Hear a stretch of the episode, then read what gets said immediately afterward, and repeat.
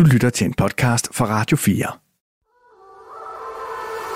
Radio 4 taler med Danmark.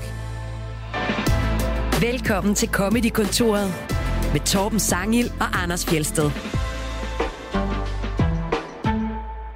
Det er jul, og i den her julespecialudgave af Comedy-kontoret, der vil vi uddele nogle priser til årets bedste comedy. Og det er måske sådan lidt random, hvad for nogle priser vi er kommet på, men vi har i hvert fald øh, sådan nogle som årets stand-up show, årets satire, årets liveoplevelse, årets nyopdagelse og nogle andre. Nu har du næsten nævnt dem alle sammen. Nej, det har jeg ikke. Lad os nu bare være ærlige. Vi fik idéen i går. ah, ah, jeg synes, jeg har bagt på den i uvis. Okay. Næste, Og- næste år bliver det vildt. Der får øh, publikum, øh, vores øh, dejlige lyttere, lov at være med til at nominere. Det har vi allerede besluttet. Men så skal du øh, sørge for, at vi er på forkant næste år. Hold nu op. Mit tjekkede øh, program på Radio 4 generelt. På hele licensfladen, skulle jeg til at sige. Nej, det er forventet reaktion. Jeg forstår ikke, hvad du sagde. At, vi er det mest tjekkede radioprogram. Nå, vi er. Ja, Nå, ja. det er det. Så, ja. så jeg, kan ikke, jeg kan slet ikke forstå, at du skulle være i tvivl om, men vi selvfølgelig har styr på det til næste år. ja, vi er typerne, der altid når alle klip. Lige præcis. Lige nu sidder vi bare fedt for en redaktør, der skal tænke, åh, så bliver vi nødt til at holde det her program i live et år til, så vi kan få lov at prøve de rigtige nomineringer. Øh, modsat for eksempel Oscar-uddelingen, så begynder vi med den største pris, kan man sige. Ja. Nemlig årets stand-up show, Lige som præcis. øh, ligesom på streaming og så videre. Og der er vi faktisk blevet enige om at kåre en fælles vinder. Det, har, det er ikke alle vores priser, der ligesom er fra os begge to. Men den her, der er vi ligesom blevet enige. Ja, også fordi der er nogle af priserne, hvor man lidt har måttet taget højde for, hvem der har set hvad, og hvor meget, og hvor hurtigt, og hvornår og hvordan. Ja. Øh, men her har vi valgt ud fra i hvert fald en øh, brutotrup af shows, vi begge to har set. Ja, vil du nævne nogle af kandidaterne i øvrigt? Ja, altså der var jo øh, Jared Carmichaels øh, Rothaniel, øh, der var Neil Brennans Blocks, der var øh, Patton Oswalds nye We All Scream, der var øh, øh, Bill Burr's Live at Red Rock, og øh, Aziz Ansari, og, og der, der, der er jo mange gode i år, synes Man jeg. kan også nævne Norm McDonald's uh, Nothing Special, Ja. som, øh, ja, som måske er mere speciel, end den er sådan er, er hygende sjov. Det er jo ikke hans bedste show, men den er bare, det er bare meget specielt, at han optog det hjemme i sit køkken, før han døde. Ikke? Jo, jo, jo, men det, jo, det er også bare så trist. Jeg er nødt til at tude, bare du nævner det. Og, Ja, og det er jo ikke ideen med Comedy-kontoret. og der er jo selvfølgelig i alt det her øh, sikkert øh, nogen, vi har glemt, og nogen, vi ikke har set endnu. Øh, så hvis man ikke lige har nævnt dit yndlingsshow, lytter derude, så øh, må I bære over med os. Øh, men øh, når alt kommer til alt, så er der et show, som vi begge to er rigtig, rigtig glade for. Det er Taylor Tomlinsons Look at You. Så det mm. er simpelthen prisvinderen. Ja, Det er tillykke. hendes- Vi havde egentlig inviteret hende Tillykke, ind for at tage Ja, imod. hun kunne ikke lige. Der var, Vi havde lavet en noget- frugtkurv. der var også lidt logistik. Og, Ja. uh, det er hendes andet show, og jeg synes også, det er hendes bedste show. Det er som om, hun er blevet mere voksen siden uh, det første Siden hun show. var yngre. Siden hun var lidt yngre. Nå, nej, men altså mere moden og også bedre som komiker, faktisk. Ja. Uh, og øhm, vi skal høre et klip, hvor hun uh, taler om sådan en indgroet mistillid til mænd, hun har, og som hun også indrømmer er ligesom et problem, som hun går i terapi med. Men uh, den her mistillid, den er så omfattende, at uh, hun er mistænksom uanset, hvad de gør.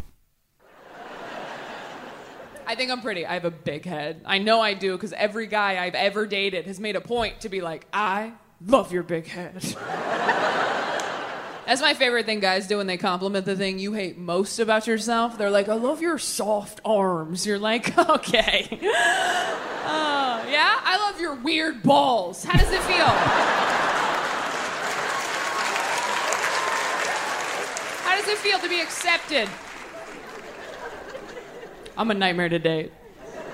Anything nice you do or say, I'm just like, whatever. I dated a guy once who told me that flirting with me was like punching water. And I was like, why? Because it's pointless or because you look stupid doing it? He's like, did you hear it? I'm like, I heard it that time. Yeah.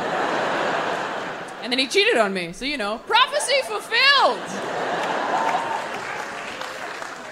I can't help it. At the beginning of a relationship with a guy, I just assume anything nice he does is a move he pulls on everybody. And I'm not gonna fall for your choreography, sir. I'm like, oh, is this is this your move? You open the car door for me on the date. This is like your move. This is how you do it. It's cute. Bet that works a lot. Oh, is this is this your move? You go with me to my grandpa's funeral, hold an umbrella over my head in the rain. Is like, This is like your move. This is how you do it. like, oops, don't get wet. Oops, I am. Whatever.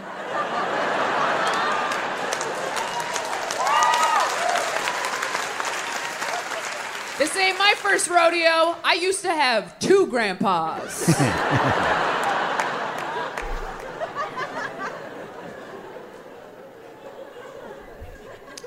oh, is this? Is this your move? You die next to me in a hospital bed at 86 years old, holding my hand for all eternity. This is like your move. This is how you get pussy. He's like, we've been together for 60 years. I'm like, you're a fuck boy, and I know it. Don't bury me with this guy. He's been dying with other people behind my back. I can't prove it. Check his phone when he uses the bedpan. That's why we're in therapy. Vi fandt på nylig, for nylig på begrebet glidebane-joke, og ja. øh, det må jo sige så være sådan et, altså hun tager mistilliden ud af en tangent øh, og tager den endnu længere ud, indtil vi ender i det helt absurd, ikke? Jo, jo. Og generelt er glidebane-argumentation jo også bare øh, meget bedre i komik end i rigtige diskussioner. Øh, fordi at her er det meningen, det skal blive åndssvagt, og man skal grine af det. Ja. og øh, og det, det, det beviser hun jo meget fint her, hvordan det fungerer super. Og, og samtidig er det jo, det er jo en selvkritik af det der med at være så øh, mistillidsfuld over for mænd, at man tror, at alt, hvad de gør, øh, er rare ting og, og kærlige ting. Det simpelthen er sådan scoretricks, ikke? Jo, jo, lige præcis. Øh, hele den der øh, skepsis over for alle øh, vil hende det godt, eller der er nogen, der vil hende det godt, ikke? Øh, jo, som jo dybest set er jo et dårligt selvværd og mm. problematisk tilknytningsmønster, hvis vi, nu skal vi ikke det psykologitimen, øh, men... Øh, Ja, præcis. Det er, det er jo en, en sårbarhed, hun øh, ligesom fortæller os om, fordi hun kunne også, det kunne også skyldes dårlige erfaringer, men dem i tale sætter hun jo ikke rigtigt i det her. Og hun altså. nævner en, som så var, som var hende utro, ikke? Jo, men ligger det ikke lidt i det, når hun siger, så snød her, uh, then he cheated on me, at det måske også var lidt, fordi hun var en altså, hun var en idiot, der ikke, altså spørgsmålet om, om han snød hende, eller om hun bare skubbede ham uh, fra ja. sig. Ja. Øh, ja. Men, øh, men ja, og, og så, altså, det, det går jo 1, 2, 3, ikke? Altså, det er jo en 3-3-raket, øh, rent øh, konstruktionsmæssigt, hvor hun først det der åbenlyse score move, som de fleste, du ved, galante ja, fyre kender, døren. holde døren, ikke? Og så et, der er vildt, hvor man tænker, okay, holde paraplyen til en begravelse, det er alligevel next level, hvis det er bare for at score. Ja, og det er jo, det, det er jo ikke, det, det er jo sådan en, en, en fin ting at gøre med hele ideen om, at det skulle være et score move. Altså, det, hvor tit har man lige lejligheden til præcis det? Ja, og at det er alene det at vælge at tage med til begravelsen, fordi man ja. har en forventning om at kunne få noget, altså at kunne skrue på det, ja, ja, ja. er også sådan lidt, når hun er færdig med at tude over, hun har mistet hende, så vil hun så, gerne noget ja. af det her. og så er det, man ved, at det sidste eksempel, så skal det satme også være langt ude. Og det er det også. ja, efter 60 års ægteskab ligger og dør ved siden af hende øh, ja. og holder hendes hånd. He's been dying with other people behind my back. så kan man ikke være mere øh, mistroisk. Når hun øh, laver den med paraplyen, Øh, dels er det jo meget sjovt, at han siger, I used to have two grandpas, øh, som hun gjorde det før. Ja. Er jo så også lidt sjovt, fordi det jo er, det der med på engelsk, der oversætter du det jo ikke farmor og farfar, mormor og morfar. Der er grandpa bare... Øh, ja, ja, så man har to grandpas. Ja, ligesom i... Øh, at, for er det en uges tid siden, man opdagede det der med, at uh, Google Translate ikke kan oversætte kæreste. Nå, kæreste, ja, ja, ja, så bliver det enten boyfriend eller girlfriend. Ja, og, ja. så sad man og grinede af, hvornår den valgte at mm. gøre det til det ene eller det andet. Øhm, det skulle man lige prøve med mormor og farmor, og hvornår, når den gør Nå, far, ja, ja, ja. farfar til farfar og til morfar. ja. Om den samme øh, øh, kønsmæssige bier, så ligger i... Øh, og det er en morfar-ting, det der. Og det er jo en stor svaghed ved de der øh, oversættelsestjenester, det er, at de skal træffe et valg mm. med en entydig oversættelse, i stedet for at give nogle muligheder ja. med en skråstreg imellem, eller hvor du kan en drop-down-menu eller sådan noget, hvor du så ligesom kan vælge, okay, det er det her i den her situation. For tit så vil den være i tvivl om, det er det ene eller andet, for det kan være begge dele. Ja. Og jeg skal de der englænder og amerikanere bare lige gennemskue, at hey, det kan være, I mangler nogle ord. Altså, fætter kusine, det er også det samme. Jamen, det gør vi jo så også, når vi har jo ikke handkæreste og hundkæreste, hvis det er. Øh, nej. så det, der tror jeg, det, ja, det går begge veje. Ja, det er rigtigt. Øh, kæreste inde. Kæreste inde. Ja, okay. ja, det er rigtigt nok. Det vil virkelig være et fremskridt for men, den men, sproglige. Men der er det mere normalt, at man i Danmark bare bruger det engelske ord at man så bare siger boyfriend eller burger, hvis vi ikke har et øh, ord for det. England, det er jo ikke sådan, hvem, bare... hvem går rundt og siger min boyfriend? det, det hedder, hedder det ikke en boyfriend shirt, for eksempel, hvis du er en kvinde, der går rundt i en alt for stor skjorte? Det ved jeg Det ikke. er ikke bare min kæreste t-shirt. Det er en anden diskussion, det her, Tom. Det tror jeg. Det tror jeg. Det kan være, vi skal gå videre til næste... Øh, mindre, du har, du har mere. Ja, men det er bare, jeg, jeg kunne godt lide også der, hvor hun ligesom øh, i tale sætter kærester, der har det med at rose de ting, man selv hader. Øh, Nå ja, hendes I love hoved. your ja. big head. Og hun har jo faktisk et stort hoved. Det kan man jo ikke komme ud om. Jeg havde ikke tænkt over det, før hun selv sagde det, vil jeg så sige. Nej. Det er ikke... øh, Men det kan da godt være, hvis hende Fuglendorf blev kærester, og man vil tænke, wow, nu går det fuldstændig Alfonso bag den. Øh, han har også et stort hoved. Ja, Både fuglen og Alfonso bag. Men øh, når hun så siger, I love your soft arms, som et eksempel på, at kvinder de ikke kan lide at have bløde arme. Ja, fordi det er jo sådan lidt slasket, og du ved, de der idealer om, du skal være fedt, og du skal Ja. være... Øh... Og jamen, fordi et slasket arm er jo ikke det samme som bare en blød arm i min verden. Nej, og jeg tror, at hvis, hvis det er et, et reelt eksempel, og der er nogen, der har sagt det til hende, så mener de jo, at det er en blød hud, og det er, en lækker, det er lækkert at røre ved hendes arme. Altså, Ja, det, lige Det er præcis. jo uden tvivl positivt ment, og det er også derfor, hun bringer det op. Men for hende, der lyder det bare som om, siger du, jeg er tyk eller slasket, eller sådan noget. Ja, ja. Ikke? Øh, mormorarme og sådan noget, ikke? For når hun så siger, I love your weird balls, der er ikke nogen måde, hvor weird balls kan være positivt. Altså, det er kun negativt. Det, det kunne være weird på en meget interessant måde. Men det her, jeg Min tror... kæreste har jo en enormt interessant den også. Det kunne det være. Nå ja, De er virkelig underholdende. Men De er skøre? meget- De er, Hvordan de er ret skøre. Han er, han er sådan en skæv ja type. jeg elsker altså. dine skøre kl- klunker. men men det, det undrer mig lidt, at hun ikke laver, netop når hun siger soft arms, at hun så ikke oversætter det til soft dick, for eksempel. Altså at bruge soft i begge, at blød jo både kan være positivt, men også negativt. Og hvis Ja. det så bliver på en mand, der vil... Ej, jeg elsker din Det kan være, pik. det var, hun tænkte, det var for en til en og sådan noget. Men jeg kan godt se, det, det var en oplagt joke at lave, faktisk. Ja. Men der, er bare, der kan bare mærke, at hun ikke har den samme erfaring som mig. Nå, det er derfor, ja. Øhm, men, øh, men af alt, hvad vi har været igennem, der synes vi i hvert fald. Det, må, Det er fandme et sjovt show. Ja, det er et godt show. Jeg så hvis du ikke har set det virkelig nu, mange gange undervejs. Øh, og samtidig så er der også nogle virkelig tankevækkende nogen. Ikke? Vi har spillet den her med, med depression og depres- antidepressiv medicin og svømmehallen og sådan noget. Ikke? Altså, det, Ja, og det virker som et meget mere modent show, end for en øh, kvinde, der hvad, er hun, 30? Det er hun ikke engang. Er hun deromkring? Øhm, hendes første show, Quarter Life Crisis, lavede hun i hvert fald lige efter hun var blevet 25. lige præcis. En af de kærester, hun snakker om, må i øvrigt være Sam Morrill, som hun har været kærester med længe, som en anden komiker, vi har spillet tidligere. Kom i kontoret. Mm. Han kan sidde der lidt, ej, jeg får sgu aldrig sagt det om hendes arme. Ja, Ja, og, og hvad er der galt med mine klunker?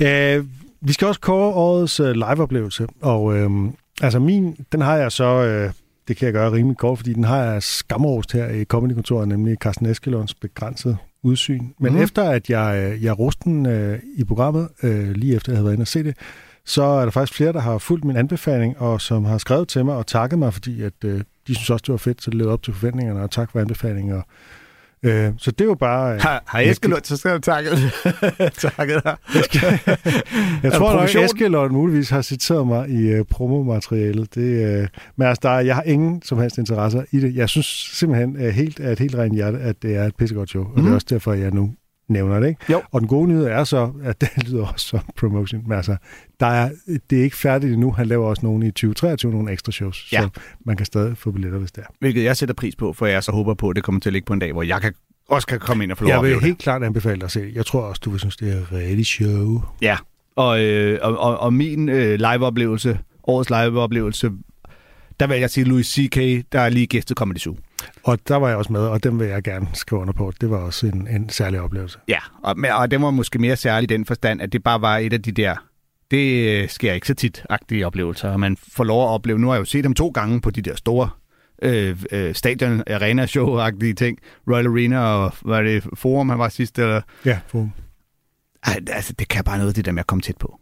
Det kan. Altså- ja, det, er helt, det er en helt anden oplevelse, og det var så tydeligt der i Royal Arena, som jo bare er kæmpe stort, det hele runger, og det er bare ikke det samme. Nej, og øh, jeg kan ikke pointere nok, hvor, altså, det der med, at det er fint at komme ind i Falconer eller lignende og se et kæmpestort show, men man skal unde sig en gang imellem og prøve at opleve øh, comedy i de helt små, øh, altså, du ved, klubberne. De, de, de, intime lokaler, det hvor man er rigtig tæt på, og hvor de dårlige, dårlige jokes faktisk også er gode, fordi man bare det er så smittende, og man er så tæt. Og, Ja og er så meget mere en del af det. Ud og se noget open mic. Det er jo lidt ligesom altså, øh, at være til stadion øh, rockkoncert med et eller andet stort band, og så forestille sig det samme band i en lille klub, der sidder, øh, hvor du sidder 5 meter fra scenen, eller 3 meter, 2 meter, 1 meter fra scenen. Ja, ja, netop. Og, og ligesom bare, og de er helt intime, og det hele er sådan mere loose, øh, men bare langt mere nærværende, ikke? end du står og kigger på en eller anden skærm for at følge med i, hvad der sker på scenen. Ja, lige præcis. Når Lady Gaga pludselig kigger ned på den lille jazzklub nede på strædet, ikke? Øh, så er det, sgu, det er noget lidt andet. Yes. Mm. Øh, årets nyopdagelse. Ja, En, øh, en øh, kategori, vi selv lige opfandt og fandt på. som du øhm, fandt på. Ja, om, fordi jeg synes, øh, at altså, vi lytter jo til en masse comedy, os to, øh, for at... Øh, Men jeg synes hele tiden, jeg får lyttet til for lidt. Jeg har hele tiden dårligt samvittighed over, at der er et eller andet, jeg burde have fået lyttet til, men ikke har fået gjort. Ja. Eller set, altså. og det kan også tage lidt af fornøjelsen ud, når man nogle gange føler, det er arbejde at lytte til det. Men, øhm, men det der med, at der så indimellem rammer noget, hvor man tænkte, det her, ham her eller hende her kendte jeg ikke. Øh, Gud, hvor fedt. Øh, fordi man hører også rigtig meget, der er dårligt. Lad os bare være ærlige. Og antallet af Netflix-shows, jeg har hørt det 20 minutter jeg tænkte, nej, det kommer jeg simpelthen ikke til at spille mere tid på. Øh, hvor sidste år, kan jeg huske, da jeg opdagede Rosebud Baker, Ja. øh, og det show Whiskey Fist, jeg ikke havde hørt før, var det, det var en åbenbaring, og man tænkte, hold kæft, hvor er hun sjov. Nu vil jeg også se, øh, du ved, høre alle de podcasts, hun har gæster i, og lignende, bare høre mere om hende. Og der har jeg simpelthen i år opdaget øh, Sheng Wang. Ja, og hvem er han? Jamen, øh, en øh, øh, amerikansk, asiatisk øh, komiker, som øh, har optrådt, optrådt i nogle år, men øh, har lavet sin første Netflix special. Øh, Sweet and Juicy. Som ikke er hans første special, så vidt jeg kan forstå. Ja, han har lavet et show tidligere, der er sådan et Spotify-show, du ved, der, den hvor de typisk øh, optager 45 minutter eller en time af sig selv og lægger på Spotify. Men det her er vist det, rigtige, det første rigtige show-show med stort publikum og, og sat op og Konfettikanoner. Ja, det, han er ikke en konfetti-kanoner kind of guy, vil jeg så lige sige. Han er simpelthen så uh, laid back. Han har også været øh, Han forfatter ligner, på... han ligner en, man har boet på kollega med i mange år, som aldrig rigtig har fået færdiggjort sit studie. Ja, og det studie er jo øh, meget humanistisk. Uden tvivl. det er fuldstændig rigtigt. Øh, han har varmet op for øh, John Mulaney på øh, noget show og lignende. Og vi skal... Øh, ja, han er sådan en bonghovedtype. Vi skal øh, høre en, øh, en bid fra hans øh, fra det her øh, Sweet and Juicy show, som er... Altså, det, det, jeg godt kan lide ved ham, er også, at han er, han er der, hvor, at, du ved, i en verden, hvor at multimillionærer bare laver øh, Netflix-shows hele tiden, og øh, du ved, der er store biler og hører mig, så er det bare fedt nogle gange at høre et show fra en, der stadig kan snakke om, hvordan man er struggling artist. Øh, der kan mm. snakke om at have råd til at købe den dyre mælk i supermarkedet. Du ved, når man pludselig mærker, nu kommer vi sgu tilbage til der, hvor det hele startede. Dengang The Struggle, den var øh, for real, og øh, du ved, helt ned i mulighed, hvor alt komik bliver født. Øh, og det, det gør han også undervejs. Men her kommer der en øh, bid om noget helt andet, meget øh, dagligdags. I'm not good. I'm not good with negative energy. That's not that's not where I want to be, man. The last time I lost my temper, the last time I really, really lost it, in a fit of rage, I threw some earplugs across a hotel room. If you know anything about anger or physics, you know there's no satisfaction in throwing foam. You release no tension. You just confirm that you are angry and you are so stupid right now. it was a family vacation. I was sharing a hotel room with my dad. I knew he snored. I brought my earplugs. I was prepared. But one night I woke up, one earplug was missing. I looked all around. I couldn't find it. I was like, one alone is useless. And out of frustration, I chucked it into the darkness. I crawled back into bed. I found the other earplug in the sheets.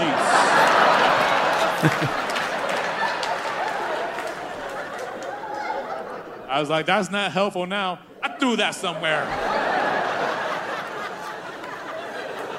I lay down.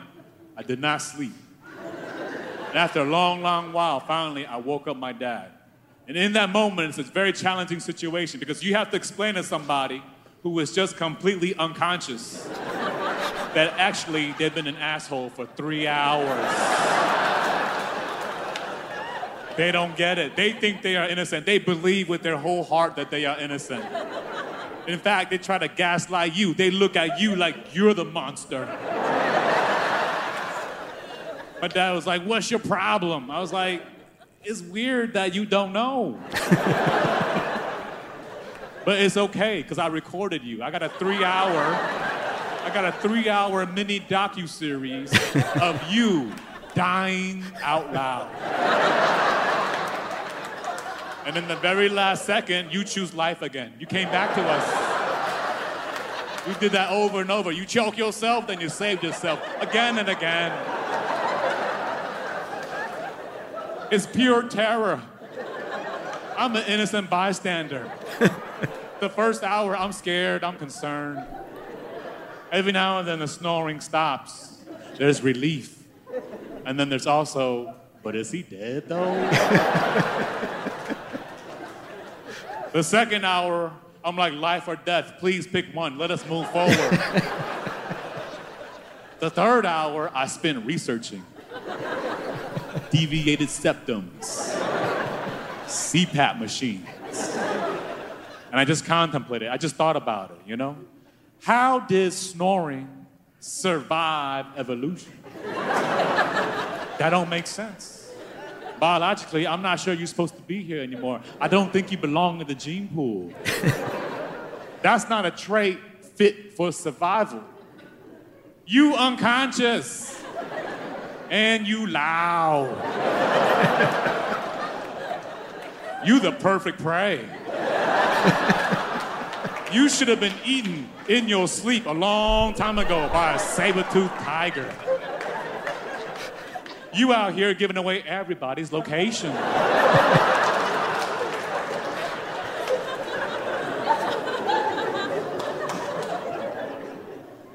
Have you ever tried to copy somebody snoring?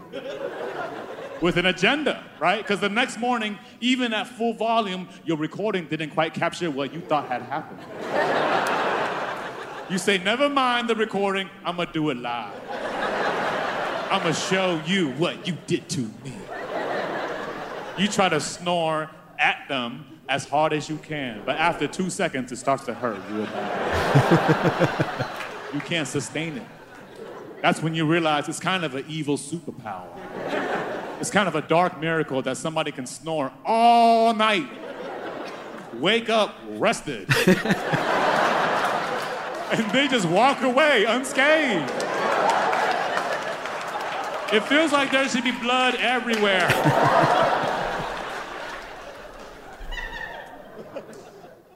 Jeg tror, det er Comedykontorets første bid om snorken nogensinde. Ja, det er rigtigt. Jeg kan huske Martin Høsted, dengang han optrådte. Han havde også en god en om øh, snorken. Vi skulle have haft et tema om det. Ja, ja det, det skulle man have haft. Hvor- Høsted, han tager den fra vinklen som den, der selv snorker, og bliver vækket af en, der, hvor han ligesom siger, jeg kan ikke, jeg kan ikke gøre for det, jo, jeg er jo ikke. Altså, men jeg kan ikke sove, Jamen, nu, nu, og så skulle det gå ud over mig. Nu kan jeg jo heller ikke sove. øh, Men, ja. øh, men jeg synes... Der er jo to perspektiver. Ja, jeg kan godt lide Sheng Wang ser også, fordi han når hele vejen rundt.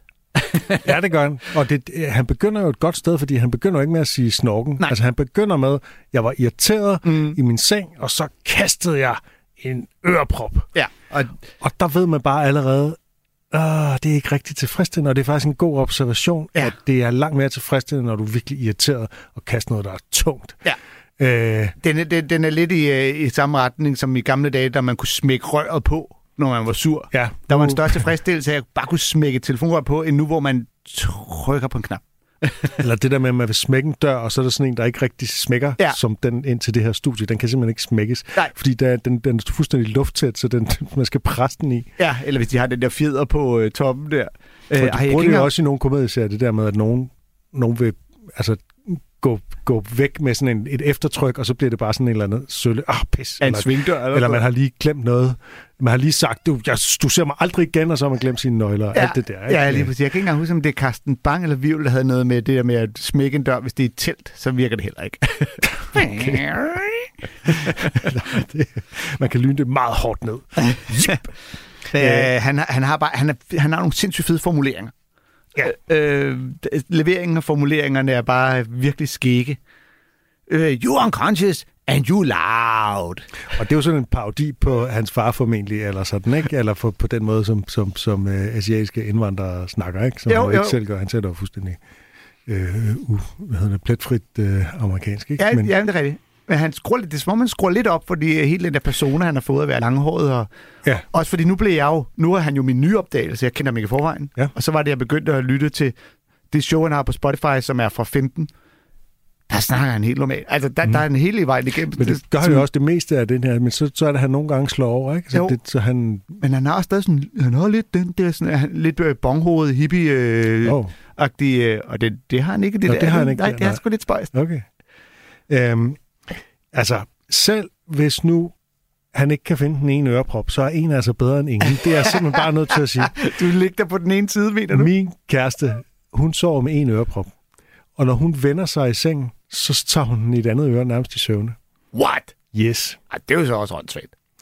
Ikke hvis man sådan synes, at det er ubehageligt at have i øret. Hun synes, det presser for meget, hvis hun har øreprop i, i det øre, hun har liggende ned mod puden. Okay, hvilken pude bruger hun? Det skal jo helt En ind helt blød pude. Det synes jeg lyder... Nå, ej, der tror jeg, jeg vil blive irriteret over, men... øh, Jeg har kæreste med prinsessen på ærten, skal du forstå. øreprop gennem 20 æderdutsdyner. men øh, hun øreprop, fordi du snorker, Tom? Øh, ikke primært. Jeg snorker nogle gange, det skal jeg gerne indrømme. Okay. Men øh, jeg er ikke sådan en, en super snorker, øh, sådan Oliver Sale-style. Nej. Oliver Sale har jo lige udgivet en bog om at snorke. Nå, okay. Og det var jo, øh, altså hans kæreste, øh, Annika Schmidt, hun hedder hende der, politikeren. Nå, Øh, hun, det var meget længe før hun ligesom gjorde det, at han fandt ud af, hvor slemt det var for hende, fordi hun gik simpelthen væk hver nat og sov et andet sted og kom ind igen, før han vågnede. Nå. Så hensynsfuld var hun. ja. Men så en dag var de på ferie sammen, og der opdagede han så, at hun lå ude på badeværelset og sov. Ej, Og der gik det op for ham, hvor alvorligt hans snorken var. hvem siger du, hun er en politiker? Ja, Meget hensynsfuld. Hvad, hvad for en fløj tilhører hun? hun er SF'er i København. Hvad ved, bare, hvad ved bare, en LA'er havde vækket ham med det samme og bedt om at skride ind i det andet værelse. Det, det er så din tolkning af de politiske fløje. Jeg tror godt, at liberal kan være hensynsfuld. Jeg tror faktisk, hele deres samfund, det jeg øh, samfundsopfattelse bygger på, at man er hensynsfuld. Okay. Problemet er så bare, at det er der en masse, der ikke er, og derfor så... Nå, øh, ja. Men, øh, ja, men, han, øh, men det er jo også det, han siger det der med, at en ting, man optager, fordi det tror jeg, at de fleste kan genkende, den der, øh, nu optager han hans så skal han fandme høre det i morgen. Og så når man spiller det, så lyder det, det lyder ikke så slemt, som når man er der om natten. Og så, man prøver at imitere snorken og finde ud af, hvis du... Så det får du selv ondt i halsen af. Så det er virkelig en, en superpower at kunne snorke, og stadig vågne op helt frisk uden at have ondt i halsen. Ja. Det synes jeg er virkelig sjovt formuleret. Ja, det er det. Øh, og også det der med, at man ligesom det, man oplever, at det er som om folk holder op med at trække vejret, og de dør. ikke? Ja, Og det er ja. jo også det, der er med søvnopnø. Ikke? Det er, Mm. at man, man vækker sig selv sådan halvt af ikke at øh, trække vejret. Ja. Og, og, ja. I'm dying out loud. Og så øh, pull yourself back, det er også... Det, er, det, er bare, en- altså, det er nogle sjove billeder, han sætter på. Noget så simpelt som at snorke. og så stiller han jo det egentlig rimelige spørgsmål, hvorfor har evolutionen Ja. ja. ikke udryddet snorken? Ja. Øh, fordi det burde jo, altså man burde jo egentlig ikke kunne føre sine gener videre. Og Mm. hans, hans øh, argument er jo det der med, at du tilkalder jo alle øh, rovdyrene og sådan noget. Ikke? Nu er jeg bare ikke sikker på, at rovdyr ligesom er det vigtigste for evolutionen. Jeg tror egentlig, at øh, seksuel selektion har været vigtigere for den menneskelige, øh, den menneskelige øh, udvikling. Og øh, Problemet er det samme. ja, bortset fra, at du først sover efter du har knaldet, så derfor kan Åh, du ja. godt give dine gener videre. Ja, det er selvfølgelig rigtigt. You're giving away everyone's location. Ja, det er meget sjovt. Det er meget sjovt at forestille sig en sabeltiger, der går rundt. Er det en menneskelig snorken, jeg ja. hører i det fjerne? Ja. Der ligger simpelthen noget mad og sover og fortæller, det er der. Altså som regel, så forestiller jeg mig, at de ligger inde i en hule, og der er et bål ved udgangen af hulen, så øh, Ja. rovdyr ikke kommer ind. Men hvad ved jeg om øh, en Ja. eller anden fjern fortid, vi skal forestille os? Hvor, Men øh, kan vi komme på øh, andre øh, byttedyr, der snorker? altså øh, kyllinger eller... byttedyr, der snorker. Øh, jamen, altså, de fleste dyr er jo også byttedyr. Jeg ved godt, at... Øh, Jamen, en løve kan jo snorke alt, hvad den vil. Der er jo ikke nogen, der kommer ud af løven. nej, men er en hund ikke et byttedyr? Nej, det vil jeg ikke sige. Nå. Vil du sige det? Der er ingen, der spiser hunde. Ja, I Kina spiser de hunde. Mennesker spiser hunde. Det ja, er det er- nok ikke så meget for, men det gør de. Ja. Ja, men det er selvfølgelig nok. Men det er måske ikke, for det er ikke så svært at fange eller det er sådan, for Nej, mennesker er det ikke så svært. nej. Okay, vi er ude af en tangent. det, det, det. Øh, det kan være, at, vi skal, øh, at jeg lige skal kåre årets satire. Ja, jeg vil bare lige sige, at det er årets nye opdagelse. Nu valgte vi Sheng Wang. Uh, jeg ville egentlig også have nomineret Alice Hamilton, der har et YouTube-show, uh, Sex Criminal, som også var virkelig interessant og spændende. Det kommer vi til at snakke om på et andet tidspunkt, hvis vi ikke når at spille i dag, fordi det, øh, det var spøjst. Eller Earthquake Legendary, som vi også spillede her. Som vi har spillet, ja. Som Ja. du anbefalede, ja. Som også var en af dem der, hvor man tænkte, okay, han har optrådt hele sit liv, og det er først nu, jeg opdager ham, og han var vildt sjov. Ja. Mm. Men øh, årets satire? Ja, øh, altså først vil jeg gerne lige give en, øh, en virkelig hederlig, øh, hederne hedder det, omtale til Tæt på Sandheden, som jo er Mm. DR's satireprogram med Jonas Bang, som virkelig gør det godt. Jeg ser det hver uge. Øhm, og de ville have fået prisen, hvis ikke det var fordi, at den korte radioavis, de lige er kommet tilbage. Og altså, Dine bedste venner i hele verden. de er i topform. Jeg kan ikke sige andet. Øh, de, Prøv lige at høre en her, der sidder og fisker efter at få lov at komme med igen. Det har i hvert fald ikke noget med det at gøre. Og jeg ved, at der er mange, der er enige med mig. Øh, så øh, øh, alle korte radiovis-fans derude, de øh, tror jeg er rigtig godt tilfredse Men med de, ko- de er det kommet er tilbage. De er kommet tilbage. Det er Det er det. sådan en, øh, hvor vi ikke bare kan lytte til dem jo. Ja, de er blevet en del af radio, så man skal høre det i radio-appen på sin telefon. Det kan både være iPhone eller Andrew, som de kalder det i Skuldborg. og øh, øh, hvis man hører det live, så er det gratis faktisk. Men hvis man skal høre det tidsforskidt, så er man nødt til at, øh, at være medlem af radio. Og hvad tid er live? Det er vist 13, jeg ved ikke om det er 13.00 eller 13.05 hver dag. Okay. Det er, nok sgu en flippet 13.05. måde at gøre det på. Øh, At du kan få det gratis, hvis du gider sidde klar lige her. Det er jo en måde at ligesom hive folk til, og så er ja. de jo ærgerlige over, at der er en eller anden dag, hvor de ikke har fået det hørt, og ah, nu er jeg gået glip af det. Skal Ja, jeg betale de der 49 kroner? Ikke? Er det 49 måneden? Jeg mener, det er 49 minutter, men hænger mig ikke op på For, det. ja. Og så hvis man bliver medlem, så får man jo så adgang til alle mulige radioprogrammer, for de har jo faktisk mange programmer inde i deres app. Ikke? Ja, ja, Øh, det er jo, øh, det er jo nærmest en, en helt podcast streaming service, det Ja, er startet. ideen er, at det er en podcast-platform, ikke? Altså, Ja. der er selvfølgelig undskyld, vi råder, man kan høre derinde, ikke? Men øh, jeg kan også fremhæve, her vogter jeg og besat af krigen, som to af dem, som jeg egentlig synes er meget sjov. Okay, fedt. Men den korte radiovis, det er bliver den sjoveste og skarpeste øh, derinde Ja, jeg tror, jeg giver 39 om måneden for mit HBO-abonnement. vil jeg bare lige sige til sammenligning. til sammenligning. ja. øh, jeg vil gerne spille et klip, som er, som jeg også nævnte øh, for nylig, som er Kirsten Birkes anmeldelse af Flemming Jensen-forestillingen Nissebanden i julemandens land. Det er en meget lang anmeldelse, så vi kan kun nå at høre slutningen, hvor Kirsten Birgit, hun ligesom øh, går ind og adresserer den kritik, der har været øh, af forestillingen for, at nogle øh, danske børn er klædt ud som grønlandske børn. Det er hele den ballade, der kom, som øh, startede med, at de droppede Pyrus julekalenderen, fordi den, at det var noget med blackfacing og, øh, og andre ting, der ikke var okay. Og så var der nogen, der blev sure over, kan man nu ikke engang klæde sig ud som en nærbold længere, uden at folk skal blive sure? Og så oven i det var der så nogen, der blev sure på Flemming Jensens julekalender, men det havde ikke noget med Pyrus at gøre. Nej, og det havde egentlig heller ikke noget med forestillingen, eller det, det var bygget ikke på for, øh, forestillingen, det byggede på et pressebillede, der var, Ja. hvor man så nogle danske børn klædt ud med anorak. Ja, for Flemming Jensen, han meldte selv ud, at han var lidt sur over at skulle debattere noget med nogen, der ikke havde set forestillingen. Ja, Hvilket er en helt reel kritik. og, øh, men nu skal vi ikke tage for meget, fordi Nej, det, det, det bliver adresseret her. Nå, for satan. Øh, før vi kommer ind, der har Kirsten Birgit svinet bakken til. Det foregår ude på Dyrehavsbakken, ikke? Og svinet ikke bakkens, fan af bakken. bakkens publikum til, og billetkontrolløren, og priserne i kiosken. Der er ikke det, der ikke er galt. Og utrolig velformuleret, og så videre, ikke? Og utrolig arrogant. Og, øh, men så har hun faktisk øh, rost både musikerne og sangerne, fordi hun kan godt være positiv. Og så kommer vi ind, hvor hun når til indholdet. Men i Jensens, der har skrevet forestillingen i øvrigt, force, de sproglige finurligheder, ekstrapoleringer og digressioner ligger også hans dramaturgiske svaghed. Som når herr Mortensen kauserer over, at nogen kan være her, når det er jo ham, der er her, og dem, der er der, i hvad der føles som så lang en evighed, at optrinet virker selvforklarende, er det et problem. Det er jo som bekendt med forklaringer og vidtigheder, som med dissekering af frøer. Ingen er særligt interesse- interesseret i udfaldet, og frøen dør. Den østriske kejser Leopold indvendte efter sine over for Mozart efter uopførelsen af operan Bortførelsen fra Serrat, zu viele Noten, liebe Mozart. For mange noder, kære Mozart. Jeg får lyst til at kramme Flemming og sige, for mange optrin, kære Jensen. Jensen har simpelthen for mange idéer til en eneste forestilling, og de er historieforhalende i en grad, så da nissebanden endelig er kommet til julemandens land efter en time i Holm Ostrup, og de igen begynder at mundhugges i en uendelighed, før de kan tage sig sammen til at gå ind i julemandens kongsborg, får man lyst til at rejse sig og skrige, nu rår du med med røven ind ad den dør, her Mortensen, din vatnæse. Og når han så endelig gør det, kommer han kunne hjælpe mig ud igen og bekendtgør, at julemanden ikke er hjemme, ja, så får man lyst til at rive håret ud i store totter. I det hele taget er forestillingen så behæftet med dramaturgisk ligegyldige optrin, at selve historien fortaber sig deri.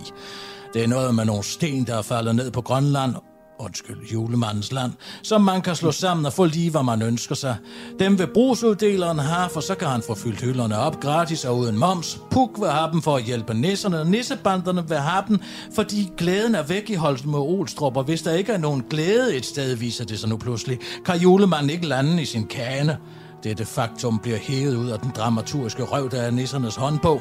Det er en fortællemæssig feberredning, grundlæggende meningsløs, hvis ikke for at give nisserne incitament til overhovedet at tage til julemandens land i første omgang, selvom julemandens nyfundne glædesdefinerede landingsbetingelser selvfølgelig kan forklare, hvorfor så få børn i Sydsudan vågner op julemorgen til en fyldt julesok. Fortællingsgenerale råd og forhaling bevirker også en spilletid på to og en halv time inklusive pause, der simpelthen er for lang tid til såvel børn som min røv, der fik træsmag allerede i begyndelsen af anden akt. Det er ikke familievenligt, men nu til giraffen, jeg har ventet på. De grønlandske udklædte børn.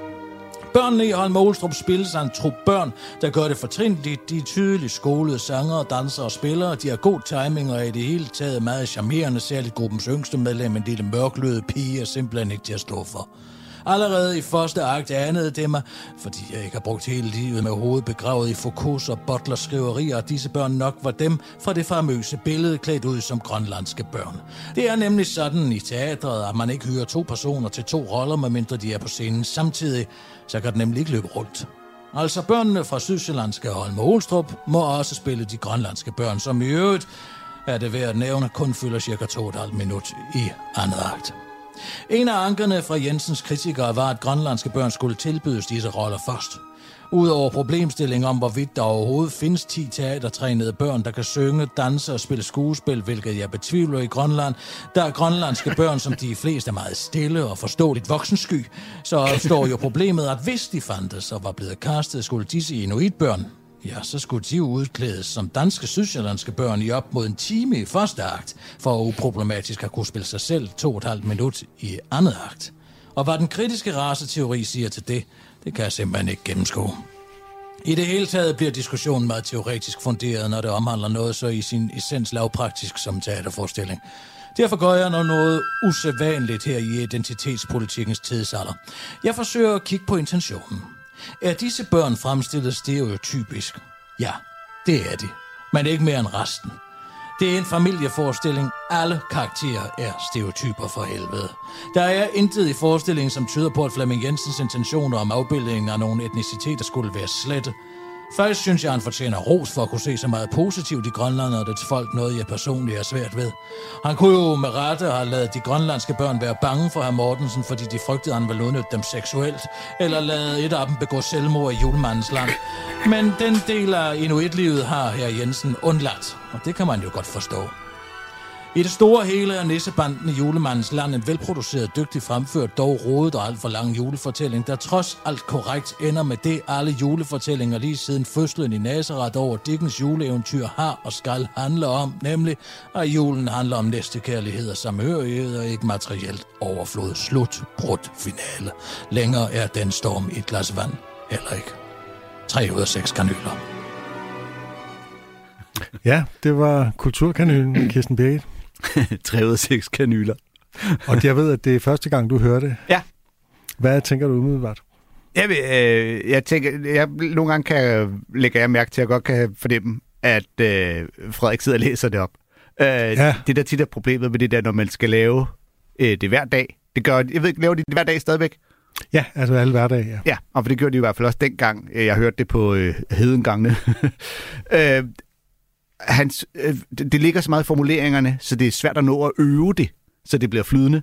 Og så øh, jeg bliver jeg er jo så meget nørd så jeg sidder og tænker med, mm, der, der øh, faldt han lige en linje, eller der blev han lige nødt til at... Og der er det jo også sådan, at, at man skal også forestille sig, at Kirsten Birgit jo læser det her op fra et, et manuskript, der jo er skrevet helt enormt skriftligt. Altså, der er jo ingen sådan forsøg Ja, ja, på mundtlig formidling fra Kirsten Birgits side. Hun har skrevet en anmeldelse, Ja. som hun egentlig synes skulle have været i politikken eller et eller andet. Ikke? Ja. Og så øh, i stedet så læser hun den bare op, men den er skrevet som, Mm. rent som, som skrift. Ikke? Hun prøver ikke at mundtliggøre den på nogen som helst måde. Nej, men øh, hele pointen i, at det der med, altså, hvad, hvad er det, man kalder det? Kulturel appropriation, når man klæder...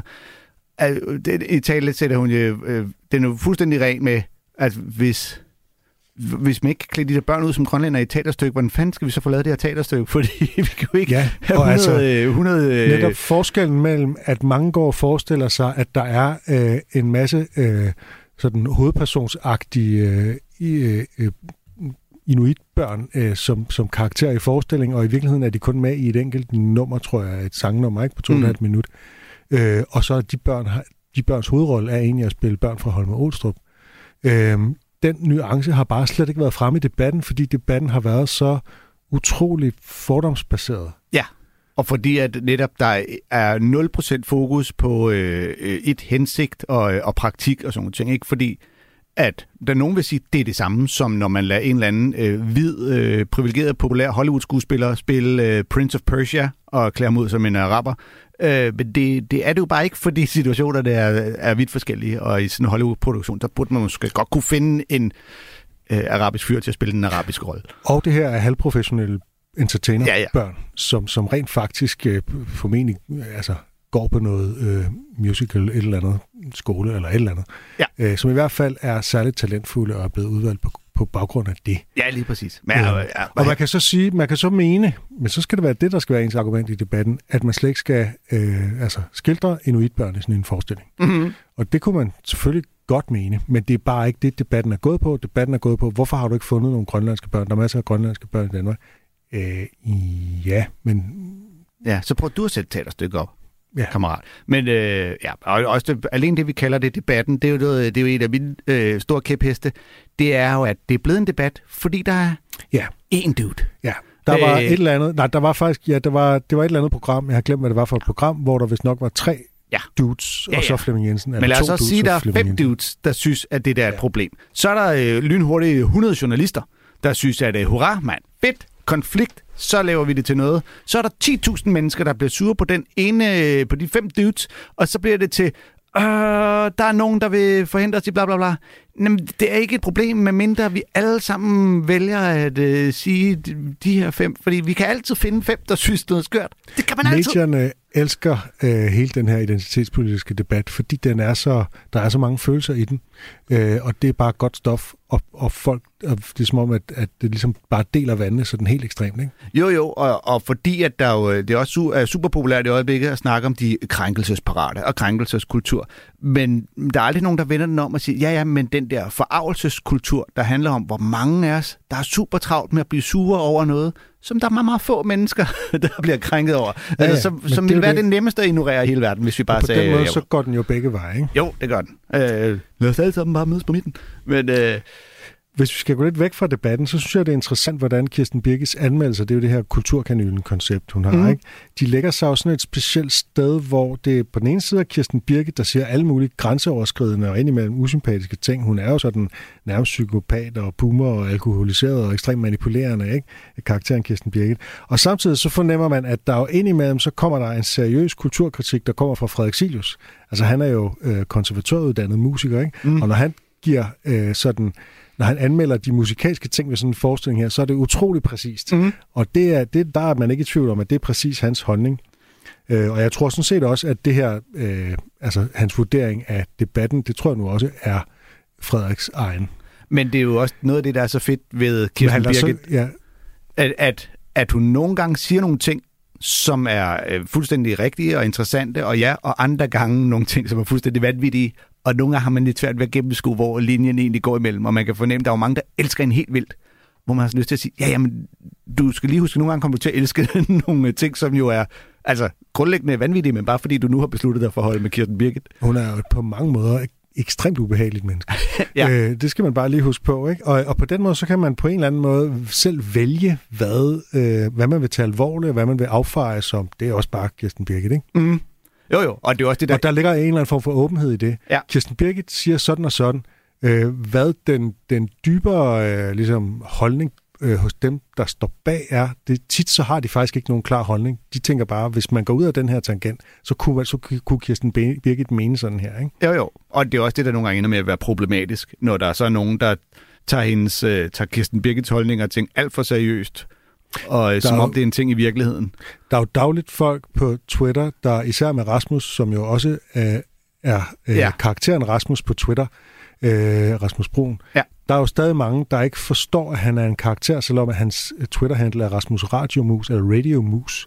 Øh, altså det er som om, og så, så, så øh, opfatter de alt, hvad han skriver på Twitter, som fu- tager de fuldstændig bogstaveligt, ikke? selvom han er en parodi på Ja. ja, en følagtig øh, type, ikke? sådan en, en mellemledertype. Ja, ja. Men altså, det er jo også altid svært, når folk blander fiktion og virkelighed på den måde, de gør, ikke? Det er det. Altså, det er svært at afkode. Altså, det kræver, at man har hørt en del den korte radiovis og kunne afkode, hvad der foregår, og måske også at sætte pris på det. Der er mange, som, som ligesom er stået af meget hurtigt, nå, det er bare en mand i dametøj og bla bla bla. Ikke? Men hvis man så alligevel ligesom siger, prøv lige at høre fem udsendelser, og så, så øh, har jeg flere gange oplevet, så gud, det er faktisk godt, og så er de blevet fans. Men det ja. kræver, at man skal lige ind og forstå de der mærkelige metalag og sådan noget. Ikke? Jo, men jeg mener lige så meget, hvis du er den politiker, der pludselig er blevet svinet til og har, har fået smidt en eller anden form for øh, homoseksuel øh, affære i øh, hovedet, som øh, ikke har noget hold i virkeligheden, så er det lidt svært det der med at skulle... Jamen, det er jo bare, det er jo bare en fiktiv person, der siger det. Ja, ja, men der er jo mange, der tager det for pålydende, og jeg er jo virkelig og står midt i det lige nu. Øh, det kan jeg godt forstå, at der er nogen, der har lidt svært ved. Ja, Men, øh, men det er sjovt, og det er godt, det er tilbage øh, til dem, der øh, er fans og gerne vil købe. Og det er også fedt, fordi der har været så meget med, nu er den korte radiovis blevet aflevet, og de har jo flyttet 24-7 og det ene og det andet. Og så kan alle de der hardcore fans jo netop, jamen, så put your money where your mouth is. Øh, støtte det, fordi de vil gerne lave det til jer. Øh, sådan er, er der jo sindssygt meget, der vil blive meget nemmere at få lavet, hvis man bare altid sørgede for, at folk de pakkede det op med, med pengepunkten, når det endelig skulle være. Ja. Jeg synes jo personligt, det var meget fedt, at det bare lå på en øh, sta- statsradio, hvor vi alle sammen kunne få lov. ligesom Comedy-kontoret. Ja, sådan, så man ikke skal vælge, hvad man helst vil høre af alt det gode, der ligger derude. Skal vi øh, lige øh, nå også Kåre er årets comedy-program. øh, årets Comedy Radio? Ja. Den nomineret af Comedy-kontoret på Radio 4. Wow! Ja. Ah, det er fandme en ære. Skal vi høre et klip Vi fra har det? kæmpet hårdt det her. øhm, årets komiske øh, sang har vi, øh, har vi også øh, valgt. Du har valgt det. Sig det nu bare som det er. Ja. Og i, i alle de priser, jeg kigger ned over listen, alle de priser, vi ikke når. øhm, jeg valgte en sang med Josh Wolf, øh, og det er en lille smule snyder, øh, fordi showet vist er fra 2021, men det kom først på Spotify i 2022. Så er det okay. Så når jeg lyttede til det der, så sad jeg og tænkte, hey, det er fra i år. Øhm, det er, øh, Josh Wolf har vi spillet tidligere. Han er sådan en lidt en øh, sydstats hillbilly dude med øh, skovhuggerskjorte og cowboy hat på, der øh, spiller en masse sjove sange og øh, bedste Miami guitar-stil, og så snakker lidt øh, løst indimellem, laver nogle semi-stand-up-agtige jokes. Øhm, flere af sangene er på velkendte melodier, eller måske direkte sådan nogle parodier, remakes øh, af, med ny tekst. Det er de måske alle sammen. Det er bare ikke sikkert, at jeg kan genkende dem alle sammen. Øhm, det er fra et show, der øh, hedder Here for the Fun.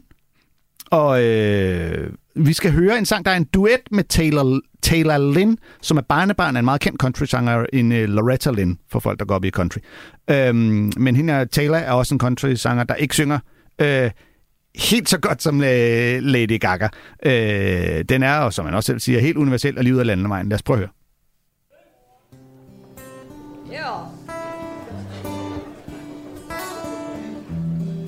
Me something, girl. Are you ready to give it a whirl? And we can take it slow. Whatever makes you the most comfortable. And you told me we could try it on our 10th anniversary. Well, my dear, decades up, the time is here.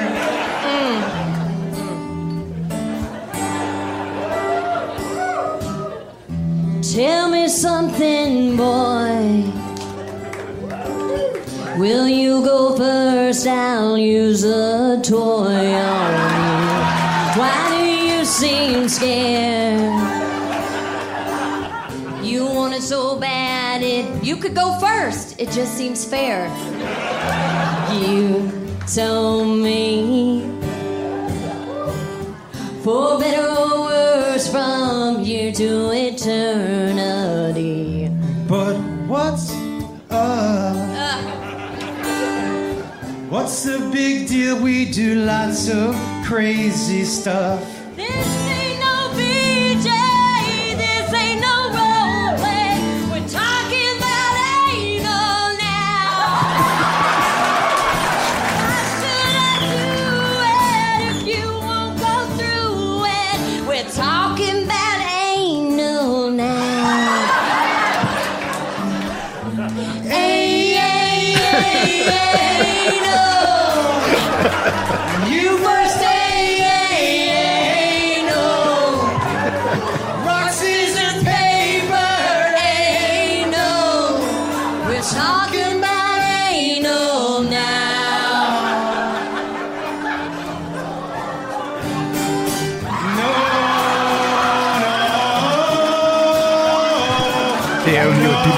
dildoerne op af tasken.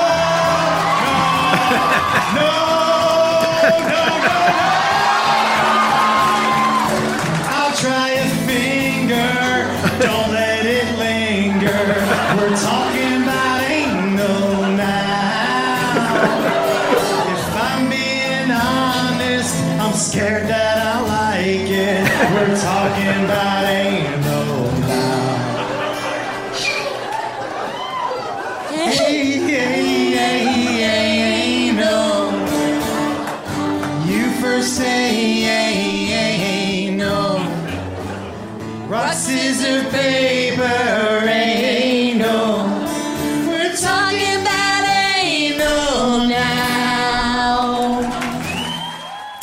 det er fandme smukt. Ja, ikke?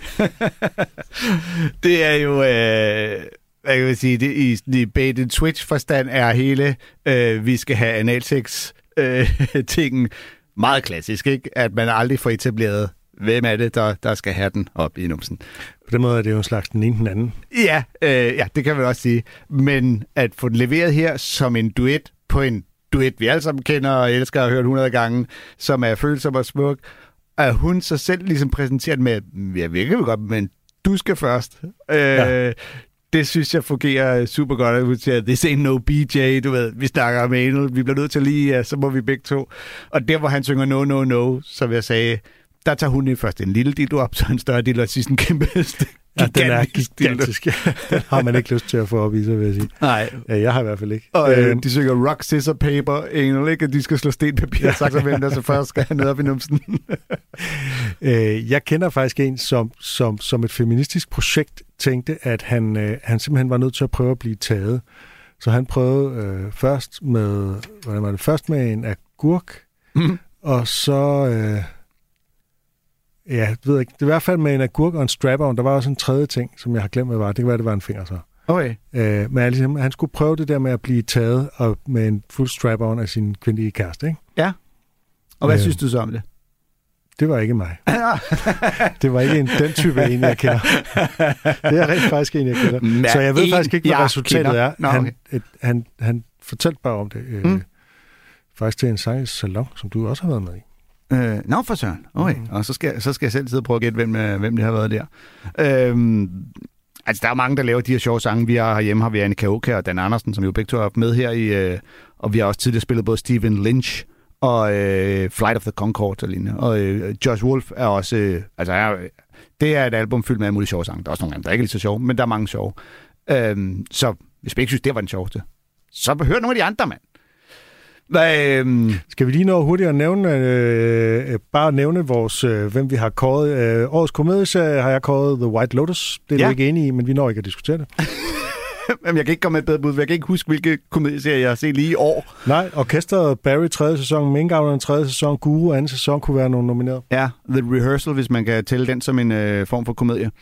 Øh, årets åbningsjoke havde vi egentlig også øh, forberedt. Men den har vi jo faktisk spillet, da vi vores tema om åbninger, nemlig øh, David Cross. Ja, fra øh, I'm From The Future. Øh, og, øh, og så havde vi lavet en længere liste over at alle de komikere, vi mistede Ja, i 2022. Kan du lige nævne dem? David A. Arnold, øh, døde som 54-årig, har et øh, helt, øh, næsten nyt show, han lige fik lagt op på øh, Netflix inden. Øh, Og det var kort. Øh, Jack Knight, Louis Anderson, Bob Saget og ikke mindst Gilbert Gottfried, et af mine store idoler. Ja. Øh, ja, så det, er jo- det har ikke kun været fede ting i 2022. Men øh, ellers så er det jo bare øh, øh, god jul Ja. til alle kommentarlyttere. Vi øh, høres ved til nytår. Øh, Ja, vi gør det, hvor vi kigger den anden vej. Lige præcis. Og kigger nemlig fremad. Fremad. Sådan. Ja. Du har lyttet til en podcast fra Radio 4. Find flere episoder i vores app og på radio4.dk.